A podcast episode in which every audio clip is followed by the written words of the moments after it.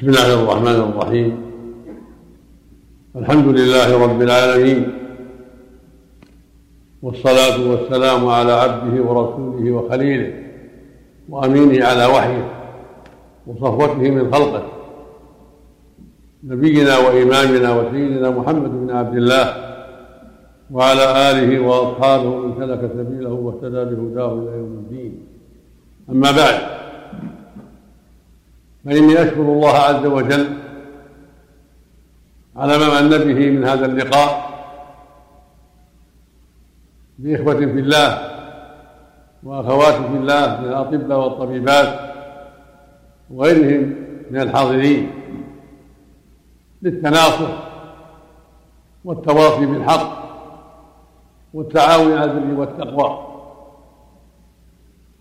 وأسأله جل وعلا أن يجعله لقاء مباركا وان يصلح قلوبنا وأعمالنا جميعا وأن يمنحنا الفقه في دينه والثبات عليه وأن يعيدنا وسائر المسلمين من شرور أنفسنا ومن سيئات أعمالنا وأن ينصر دينه ويعلي كلمته وأن يصلح ولاة أمرنا ويعينهم على كل خير وينصر بهم الحق ويجعلهم من الهداة المهتدين. كما أسأله سبحانه أيضا أن يصلح أحوال المسلمين في كل مكان وأن يصلح قادتهم وأن يولي عليهم خيارهم وأن يوفق ولاة الأمر في جميع الدول الإسلامية لتحكيم شريعته والتحاكم إليها وإلزام الشعور بها بما فيها من صلاح أمر الدنيا والآخرة. فإن في تحكيم الشريعة والعمل بها صلاح أمر الدنيا والآخرة والسعادة الأبدية في العاجل والآجل فنسأل الله أن يوفق جميع المسلمين وحكوماته بما فيه صلاحهم وسعادتهم في الدنيا والآخرة. ثم أشكر أخي الدكتور عمران محمد الكاتب مدير الشؤون الصحية على هذه الدعوة في هذا اللقاء. وأسأل الله جل وعلا يبارك في جهوده ويجعلنا وإياكم وإياه من دعاة الهدى وأنصار الحق. وأن يمن علينا جميعا بالاستقامة على دينه والثبات عليه والسلامة من أسباب غضب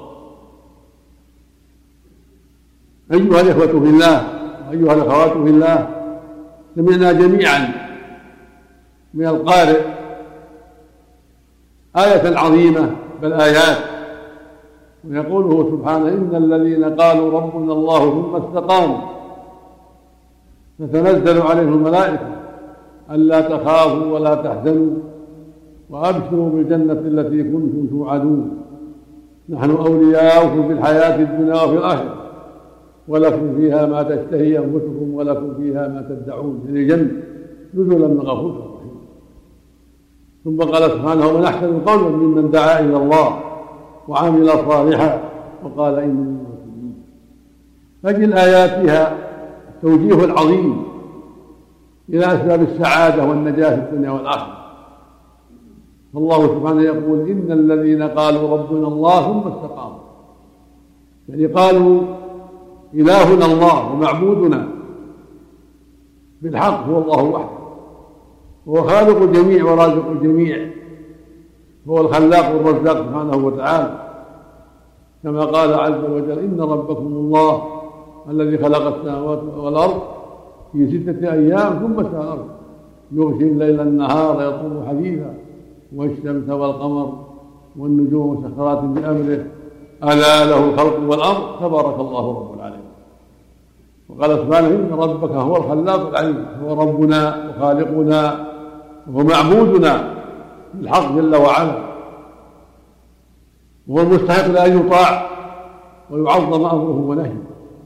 كما قال عز وجل يا أيها الناس اعبدوا ربكم الذي خلقكم والذين من قبلكم لعلكم تتقون. وقد خلق الثقلين ليعبدوه ويعظموه ويطيعوا أمره ونهيه. كما قال سبحانه وما خلقت الجن والإنس إلا ليعبدون. فجميع الجن والإنس مخلوقون لعبادة الله. وهي طاعة أوامره وترك نواهيه. هذه عبادة. طاعة أوامره وترك نواهيه سبحانه وتعالى. وذلك بالإخلاص كما قال اعبدون يا أيها الناس اعبدوا ربكم. وإياي فاعبدون وإياي فارهبون. قال ربك ألا تعبدوا إلا إياه وما أمروا إلا ليعبدوا الله مخلصين له الدين حنفاء. نحن مأمورون بأن نعبده وحده وذلك بطاعة أوامره وترك نواهيه لأن نخصه جل وعلا بعباداتنا. فلا ندعو إلا إياه ولا نستغيث إلا به ولا نتوكل إلا عليه. وهو الذي نصلي له ونصوم ونزكي ونذبح وننذر إلى غير هذا. كل العباد له وحده سبحانه وتعالى كما قال عز وجل قل إن صلاتي أمرت ونسكي ومحياي ومماتي لله رب العالمين لا شريك له. وبذلك أمرت وأنا أول المسلمين فالواجب على جميع الثقلين الجن والإنس أن يعبدوه وحده وأن يخصه بعباداتهم دون كل ما سواه جل وعلا. وقال ربكم ادعوني أستجب لكم. إياك نعبد وإياك نستعين. واعبدوا الله ولا تشركوا شيئا. فعليك أن تعبد الله علينا جميعا أن نعبد الله سبحانه وتعالى. ونخصه بعباداتنا. ونؤدي حقه من الصلاة والزكاة والصوم والحج والجهاد والأمر بالمعروف والنهي عن المنكر. وبر الوالدين وصلة الرحم وترك ما حرم الله. كل ذلك لأجل وجه سبحانه ندعوه ونرجوه بعباداتنا ونسأله سبحانه أن يتقبلها منا وأن يدخل بها الجنة وينجينا بها من النار. فعلينا جميعا أن ننتبه لهذا الأمر وأننا مخلوقون لنعبده وحده لا ليعبد الآخر نحن مخلوقون لنعبده. ونطيع أمره وننتهي عن نهيه جل وعلا. وما خلق لنا من النعم كلها لإعانتنا على هذا الأمر. هو الذي خلق لكم ما في الأرض جميعا. خلق لنا ما في الأرض نعم انهار بحار وغير ذلك من أنواع النعم كلها لنستعين بها على طاعته. وأداء حقه وترك المعصية سبحانه وتعالى. وأنزل كتابه على نبيه محمد صلى الله عليه وسلم تبيانا لكل شيء. سبحانه أرسل الرسل عليهم الصلاة والسلام وأنزل الكتب لإصلاح أخلاق الناس وأقوالهم وأعمالهم وإصلاح مجتمعاتهم. فالرسل بعثوا جميعا عليهم الصلاة والسلام ليدعوا الناس إلى توحيد الله وطاعة الله وليهذبوا أخلاقهم ويقيموا إعجاجها ويصلحوا أقوالهم وأعمالهم ويصلحوا مجتمعاتهم حتى تستقيم على توحيد الله وطاعة الله وحتى تؤدي حقه وحتى تدع معصيته سبحانه وتعالى. قال تعالى ولقد بعثنا في كل أمة رسولا أن اعبدوا الله واجتنبوا الطاغوت. يعني وحدوا الله واتركوا عبادة ما سواه سبحانه وتعالى. وقال سبحانه وما أرسلنا من قبلك من رسول إلا نوحي إليه أنه لا إله إلا أنا فاعبدون وبعث نبيه محمد صلى الله عليه وسلم لعامة الخلق الجن والإنس. كان الرسل قبل كل واحد يرسل إلى قوم أما نبينا محمد صلى الله عليه وسلم فأرسله الله إلى جميع الثقلين الجن والإنس. كما قال تعالى قل يا أيها الناس إني رسول الله إليكم. قال تعالى وما أرسلناك إلا كافة للناس بشيرا ونذيرا. عليه الصلاة والسلام. قال عز وجل وما أرسلناك إلا رحمة للعالمين. فالله أرسله رحمة للعالمين. ليبشرهم وينذرهم ويعلمهم ما في سعادتهم. وأنزل عليه كتابا عظيما وهو القرآن تبيانا لكل شيء. وهدى ورحمة وبشرى للمسلمين وجعل هذا الكتاب شفاء لما في الصدور كما قال تعالى يا أيها الناس قد جاءتكم موعظة من ربكم وشفاء لما في الصدور وهدى ورحمة للمؤمنين هو جعله شفاء لما في الصدور من كذب ونفاق وغل وحقد وحسد وكبر وغير ذلك من أمراض القلوب. كما أنه سبحانه جعل كتابه العظيم وسنة رسوله الأمين عليه الصلاة والسلام جعلهما أيضا شفاء للعباد من أخلاقهم السيئة وأعمالهم السيئة وأقوالهم الرديئة وتطهيرا لمجتمعاتهم من الأعمال الرديئة والأخلاق الذميمه فالإسلام طهور للعباد وشفاء لهم من أخلاقهم الذميمه وأعمالهم السقيمة وأقوالهم التي تضرهم ولا تنفعهم.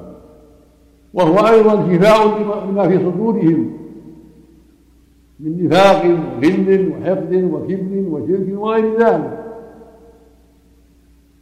هو علاج للقلوب حتى تستقيم على محبة الله وعلى الإخلاص له وتعظيم أمره ونهيه والإنابة إليه جل وعلا وعلى التحاب فيما بينهم والتعاون بالبر والتقوى والتواصي بالحق والتواصي بالصبر عليه.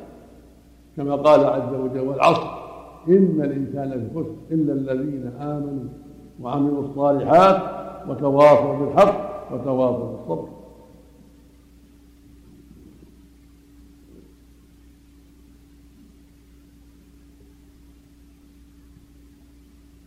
فهذا الكتاب العظيم والسنة المطهرة الثابتة عن رسول الله عليه الصلاة والسلام فيهما العلاج لأمراض القلوب وأمراض المجتمع. فعلى كل مكلف أن يستقيم على كتاب الله وسنة رسول الله عليه الصلاة والسلام وأن يعالج بهما أمراض قلبه وأمراض مجتمعه حسب طاقته حتى يستقيم على دين الله وحتى يدع ما حرم الله وبذلك يفوز بالجنة والسعادة. كما قال تعالى إن الذين قالوا ربنا الله ثم استقاموا. تتنزل على الملائكة ألا تخافوا ولا تحزنوا. تتنزل عليهم عند الموت. تقول لهم لا تخافوا ولا تحزنوا. لا تخافوا مما أمامكم ولا تحزنوا مما خلفتم. وأبشروا بالجنة التي كنتم توعدون. بسبب طاعتهم لله وقيامهم بحقه. واستقامتهم على ذلك.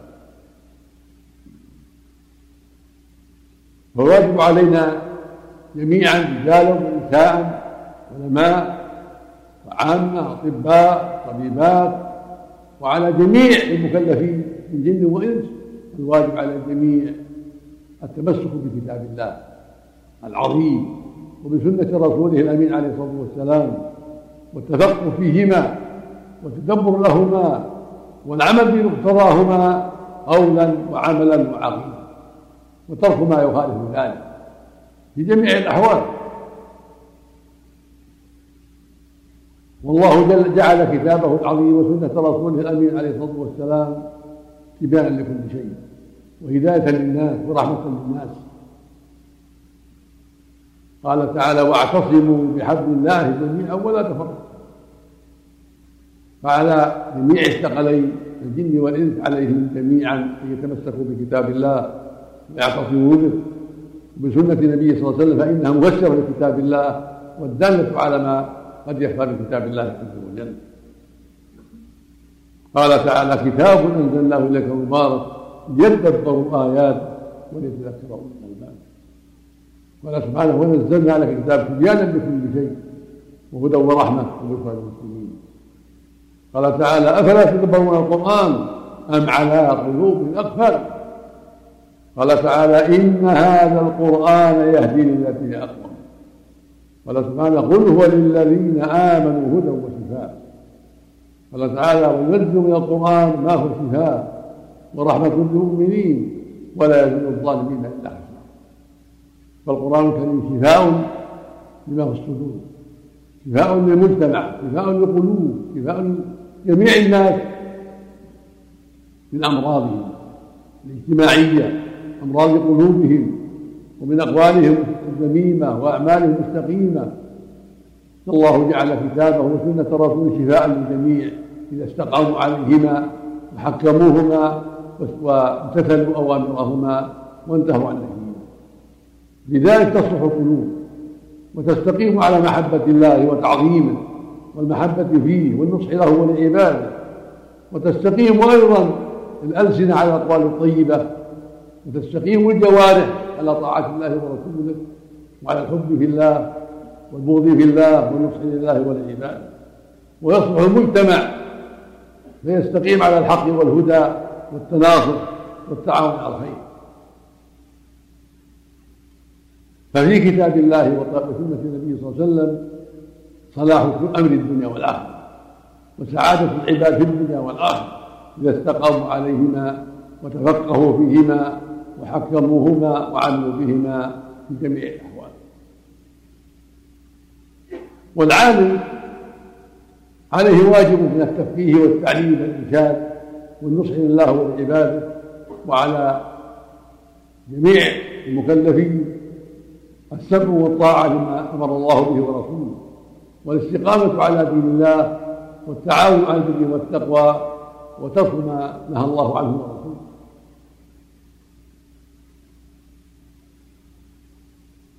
وعلى كل مسؤول وزير ومدير مصلحة وغير ذلك عليه أيضا أن يعمل بمقتضى كتاب الله وسنة الرسول صلى الله عليه وسلم فيما وكل إليه من النصح والأمانة وأداء الحقوق كما أوجب الله والحذر من الخيانة في كل شيء.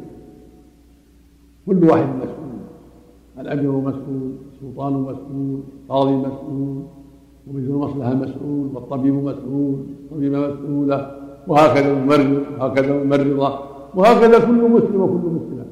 مسؤول عما وجب الله عليه وعما حرم عليه وعليه أن يؤدي الواجب كما أمره الله. قال تعالى يا أيها الذين آمنوا اتقوا الله ولتنظر نفس ما قدمت لغد. واتقوا الله إن الله خبير بما تعملون. قال تعالى يا أيها الناس اتقوا ربكم. كل واحد مسؤول من رجل وامرأة كل مسؤول عما أوجب الله عليه وعما حرم عليه وعما وكل إليه من عمل المسلمين. فالواجب على العالم أن يكون قدوة صالحة لغيره من الناس بما أعطاه الله من العلم.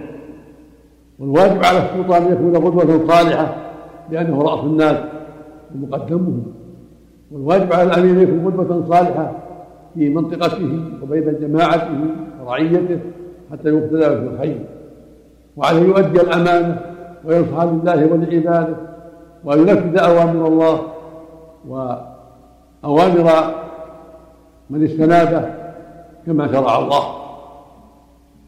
وعلى الطبيب أيضا أن يتقي الله وأن يؤدي الأمانة فيما وكل إليه. وأن يكون قدوة حسنة في أخلاقه وأعماله ورزقه وعنايته بالمريض ورحمته له وحسن معاملته. وهكذا الطبيبة عليها أن تتقي الله وأن تؤدي الأمانة وأن ترفق بالمريضة وأن تعتنى بها وأن ترحمها وتخاطبها بالتي هي أحسن وأن تنصح لها حتى تؤدي ما وجب الله عليها عن بصيرة وعن علم وعن رزق وحكمة. وعلى الممرض أيضا واجبه من الرزق بالمرضى والعناية بالمرضى والإحسان إليهم وتحمل ما قد يقع من المشقة والأذى وهكذا الممرضة عليها نصيبها من ذلك مع المريضات كل فيما وكل إليه عليه أن يستقيم وأن يتحمل وأن يصبر وأن يؤدي الأمانة بإخلاص لله وتعظيم لله. يعلم أنه مسؤول بين يدي الله جل وعلا. يقول سبحانه فهو ربك لنسألنهم أجمعين عما كانوا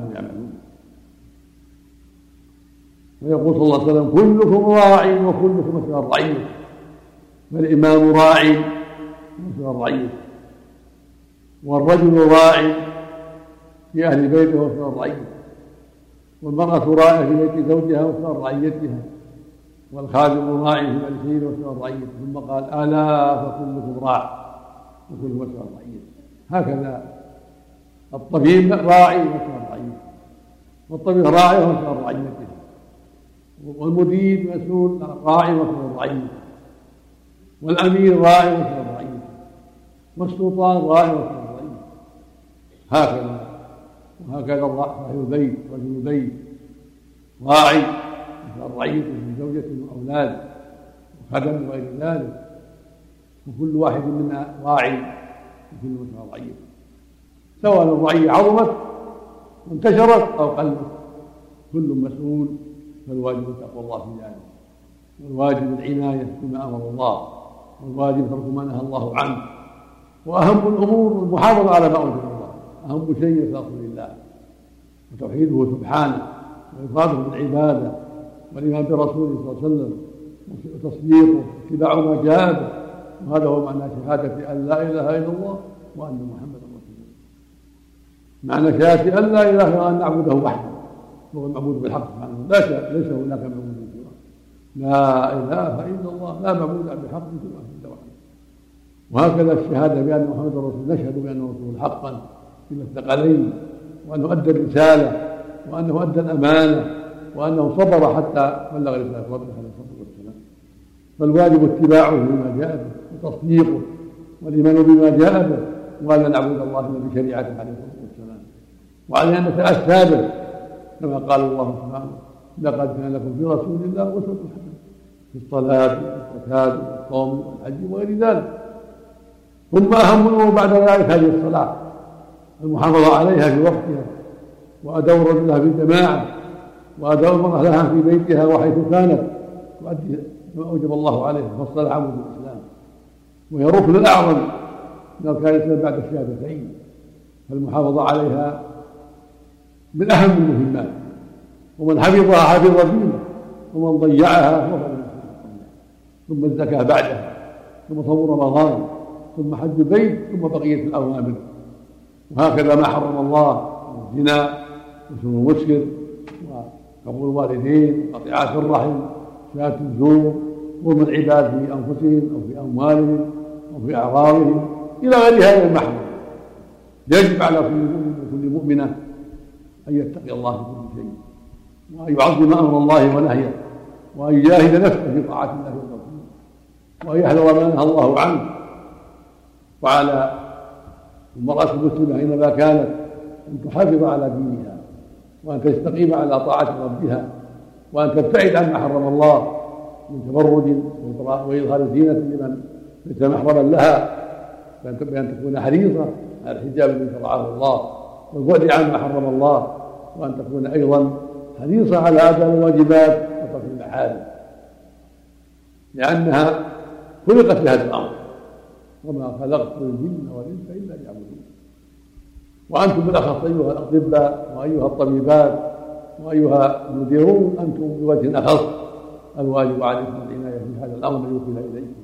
وأن تتقوا الله فيه وأن تتحملوا وتصبروا عليكم أن تتحملوا.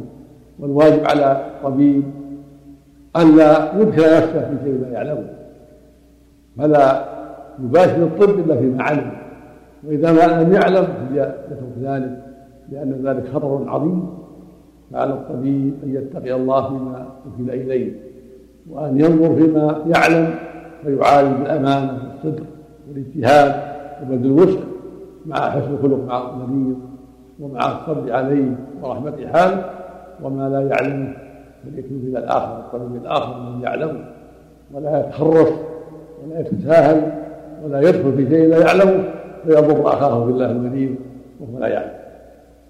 وفي الحديث من تطبب ولم يكن بالطب معروفا فهو ظالم. فالواجب على الطبيب الا يدخل نفسه إلا فيما علم وأن يتقي الله في ذلك ويساله التوفيق والإعانة ويتحرى في طلب دوائه وفي وقت مناسب. وفي قدر مناسب من الدواء إلى غير هذا مما يعلمه الأطباء. فإن هذا من تقوى الله جل وهكذا الطبيب الباب واحد وهكذا الممرض والممرضة. الواجب عليهما أن يتقوا الله وأن يصبروا على المريض وأن يرحموه وأن لا يعاملوه إلا بالتي هي أحسن من كلام وفعال. هذا هو واجب الجميع. وأسأل الله لي ولكم التوفيق والهداية. وأن يعيننا جميعا من شرور أنفسنا وسيئات أعمالنا كما سبحانه أن يعيننا جميعا على اداء الواجب وأن يوفقنا لما فيه رضاه ولما فيه أيضا صلاح العباد والبلاد. إنه جل وعلا جواد كريم. وصلى الله وسلم وبارك على عبده ورسوله نبينا محمد وعلى آله وأصحابه.